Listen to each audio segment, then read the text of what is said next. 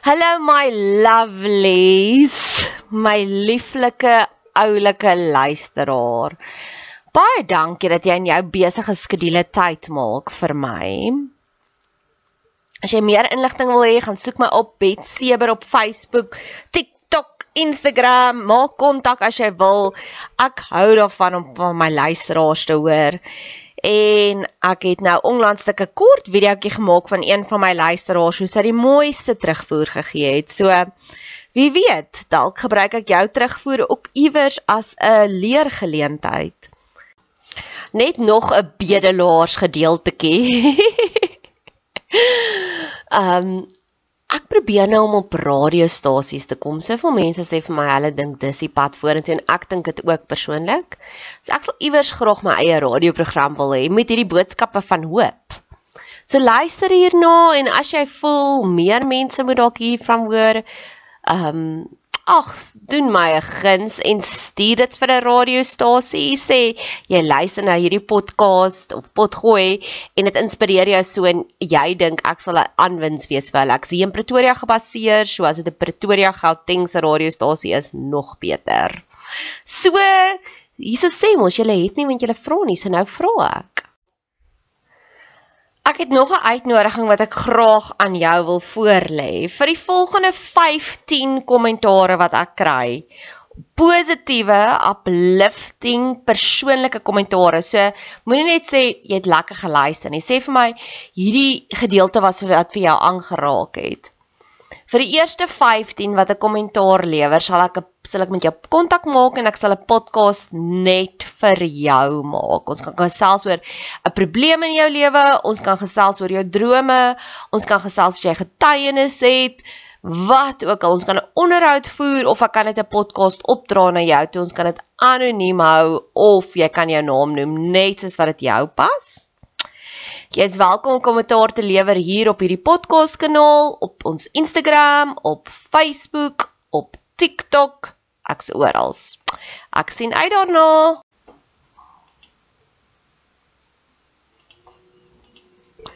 Sarkastiese Jesus deel 2. Ek sê Jesus is nie eintlik sarkasties nie.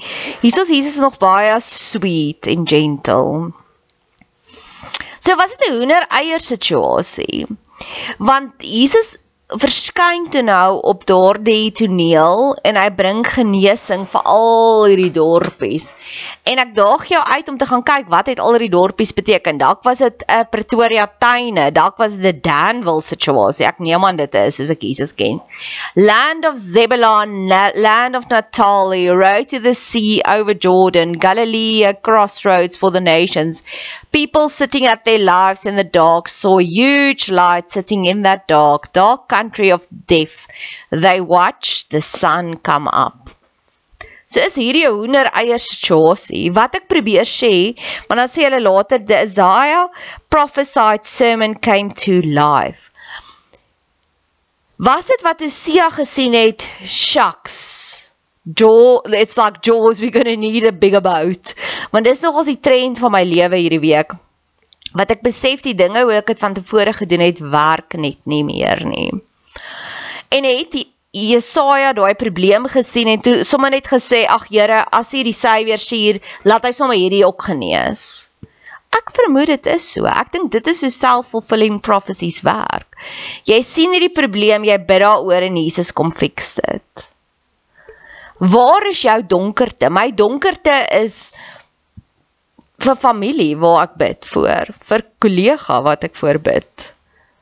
Vir mense wat serio intellekte is en ons gaan nou daaroor gesels because it's just so gorgeous. Waar is jou donkerte? Waar is die plekke waar jy die lig wil sien? Dalk is dit 'n mens, dalk is dit 'n verhouding, dalk is dit 'n besitting, dalk is dit 'n hulpbron hulpbronne jou energievlakke. Dalk ly jy aan burn-out soos ek nou tans voel. Dalk is dit um onkunde wat jy het. Hierdie jaar is amper verby. Ons is in week 46 en hierdie jaar het ek gebid, Here, leer my om met mans te kan praat en ek het al met mans gekonnekt.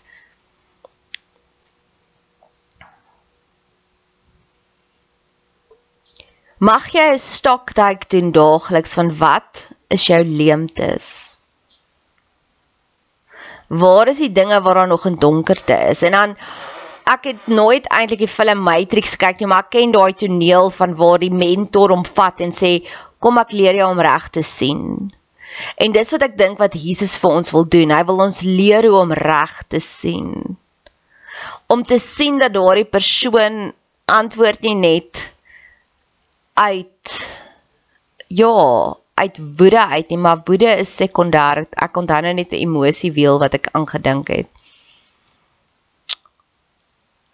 Om te weet dat jy is getrigger en dis hoekom jy so optree. Soos ek is massively getrigger as mense vir my gevolgde te goed stuur. Dit is soos regtig dis lei. Nee, ek verdien meer.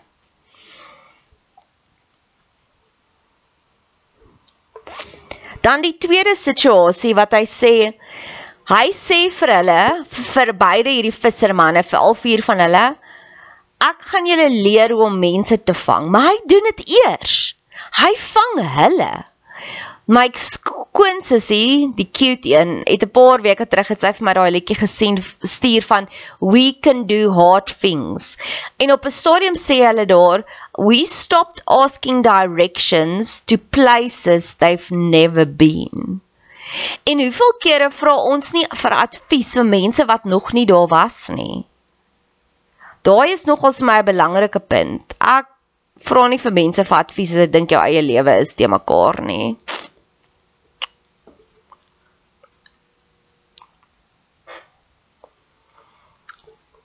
ryk man vra nie vir 'n bedelaar leer my om geld te maak nie. 'n Mooi vrou vra nie vir 'n lelike vrou leer my om soos jy te lyk like nie. Nee.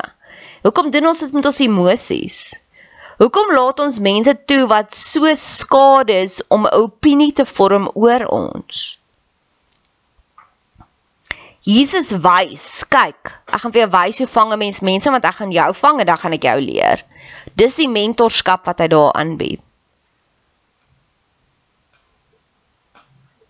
Daar's regtig bitter min mense vir wie ek vir raad vra. Baie min. Baie baie baie min. Ek sal eerder deur dit alleen struggle as wat ek vir mense vir raad vra wat ek dink wat nog eers hulle eie lewe uitgesort het nie. En dan wil ek afsluit. Jesus gee genesing. Hy preek nie eers vir die mense nie. Hy gee eerste genesing. Hy sê die koninkryk van die hemele is hier. Weet jy wat sê? Hy sê hier's 'n stukkie van die hemel op aarde wat ek vir jou wil gee. Hy skep hierdie koninkryk en hy gaan mense voer naderhand. Ja, ek is so moeg vir kerke wat net vir mense die hele tyd laat condemn, condemn, condemn. Dis nie Jesus se beleid nie. Jesus sê kom, ek gaan vir jou 'n stukkie van die hemel gee en as jy daarvan hou, sjap, dan gaan ek jou leer hoe om dit te doen. As jy nie daarvan hou nie, it's okay, walk away. En die eerste die eerste stukkie van die hemel wat hy daar vir hulle gee, hy gee vir hulle genesing. Hy sê nie vir hulle, weet jy wat, dit is hoekom jy dit het nie. So gaan fix jouself eers en dan kom jy terug nie. Nee. Hy genees hulle.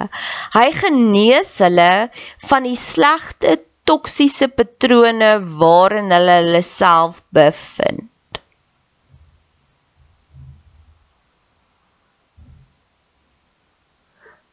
Wanneer mense sê ek wil hê wat jy het of wanneer mense jou net begin mirror, dis wanneer jy weet jy het 'n invloed.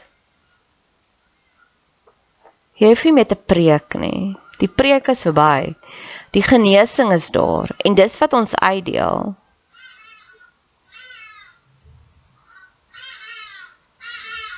Mense sê vir my goed soos Hulle sal vir my vertel wat gaan aan hulle lewe en ek sal sê dis aaklag. En dan sal hulle sê ek het geweet as ek net met jou kom praat gaan ek beter voel. Ek het niks gefiks nie. Ek het genesing gegee. En genesing is so maklik. Partykeer is dit net soos, "Sjoe, dit moet taaf wees."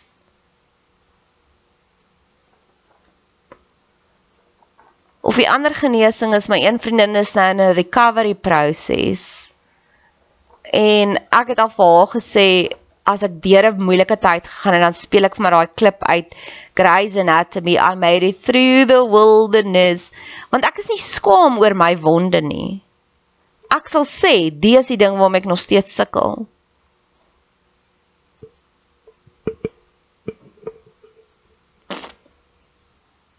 Dis genesing en hy gee genesing emosionele genesing en fisiese genesing. Ek het gister daaraan gedink, hoe vertraag is ons samelewing? Jy betaal vir daai kind, ek het nou reg gehoor is amper 100 000 rand per jaar om op universiteit te wees. En ek het ek het met 'n man daarmee gejourney. Wag. Kinders was in top Pretoria skole. Hy betaal dit dit sy in Boschwat al die pad van Pretoria af. En al daai geld wat so intoe vloei. Die oomblik toe sy 'n laptop nodig kry, toe kry sy 'n Apple Mac want dis die beste. Die diep diep siel struikel 2020 toe baie mense gestruikel het baie mense struikel nou eers want hulle is nou hulle is nog nie awake nie. So nou gaan dit moeilik met hulle. Die dogter Ek kan nie onthou wat was die koste nie, maar dit was nie baie nie. Dink dit was R650 vir sielkundige behandeling en dis 'n vrou wat ek weet wat 'n oop kanaal het met die Here. Dogter gaan vir 2 sessies, die pa besluit dis te duur en hy hou op.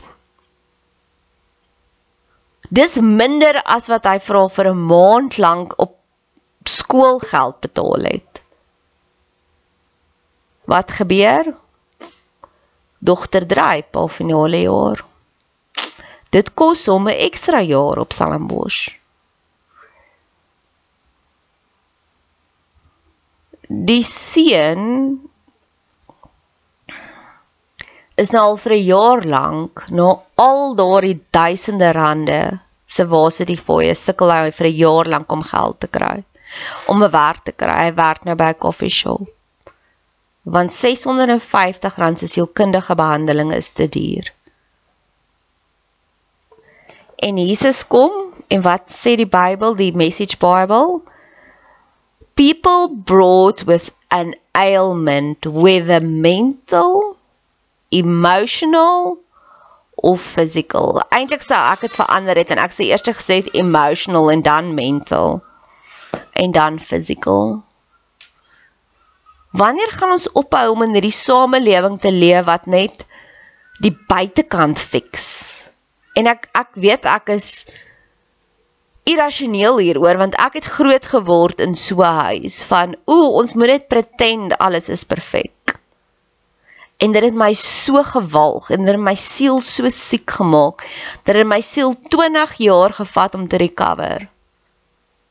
Want ons moet net voorgee alles is perfek.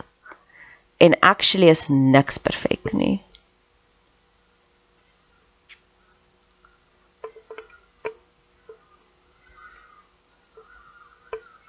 want ons gee voor. Ek het nou, ek het in die verlede week een van my geestelike mentors challenge my om vir my pa onvoorwaardelike liefde te gee en ek moet vir jou sê van al die geestelike reise waarop ek al ooit myself gestuur het, is dit die moeilikste een. Want die hele tyd kom ek terug by daai punt van onvoorwaardelike liefde. En ek het gister het ek weer met hom gepraat. Toe sê ek vir hom en ons praat oor guys toe en ek sê vir hom ja, maar die ouers is verkeerd van die liefde bedek menig te son en ek sê vir hom dit sê die een wat nie vir haar pa kan onvoorwaardelik lief wees nie. En ek sukkel met daai een. Want verlede week toe stuur my boetie vir my 'n nice boodskap. En dis die boetie vir week baie op my knieë is daardie wat noem mens dit ek wil amper sê daai eelt wat ek daai dis vir daai baba boetie. So verlede week in my journey vir onvoorwaardelike liefde vir my pa gaan haal ek al ons ou fotoalbums deur uit en my hart breek. Want ek kom af op hierdie fotoalbum wat my ma in haar goedheid, in haar sweetheid vir my ouma gestuur het, gepos het van ons nuwe lewe in die Vrystaat. En dis een van daai fotoalbumpies wat jy so oopmaak en dan is al die fotos so gestak aan die een kant en al die fotos so gestak aan die ander kant. En die een helfte van daai boekie is net fotos van die nuwe huis wat hulle gekoop het. Ja, dit was 'n massive huis.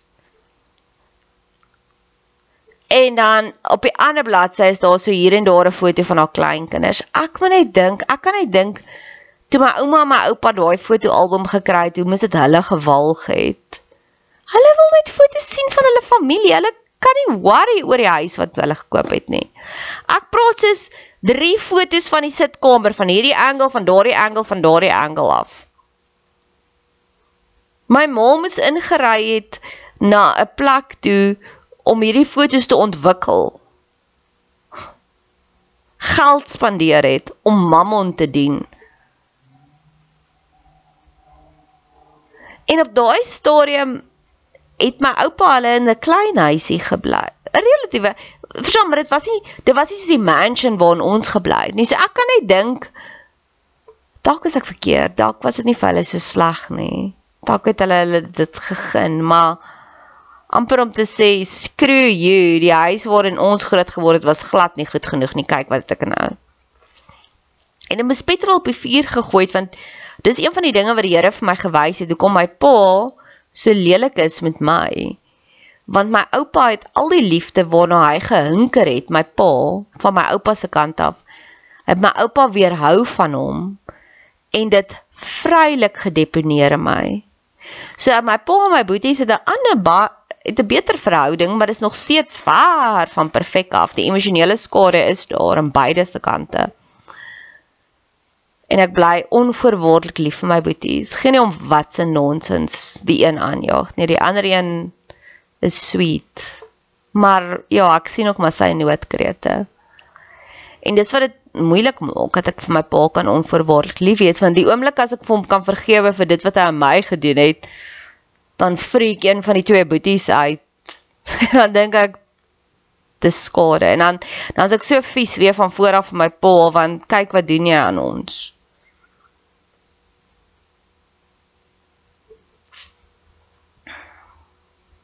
En Jesus kom en hy genees eers emosioneel en dan fisies.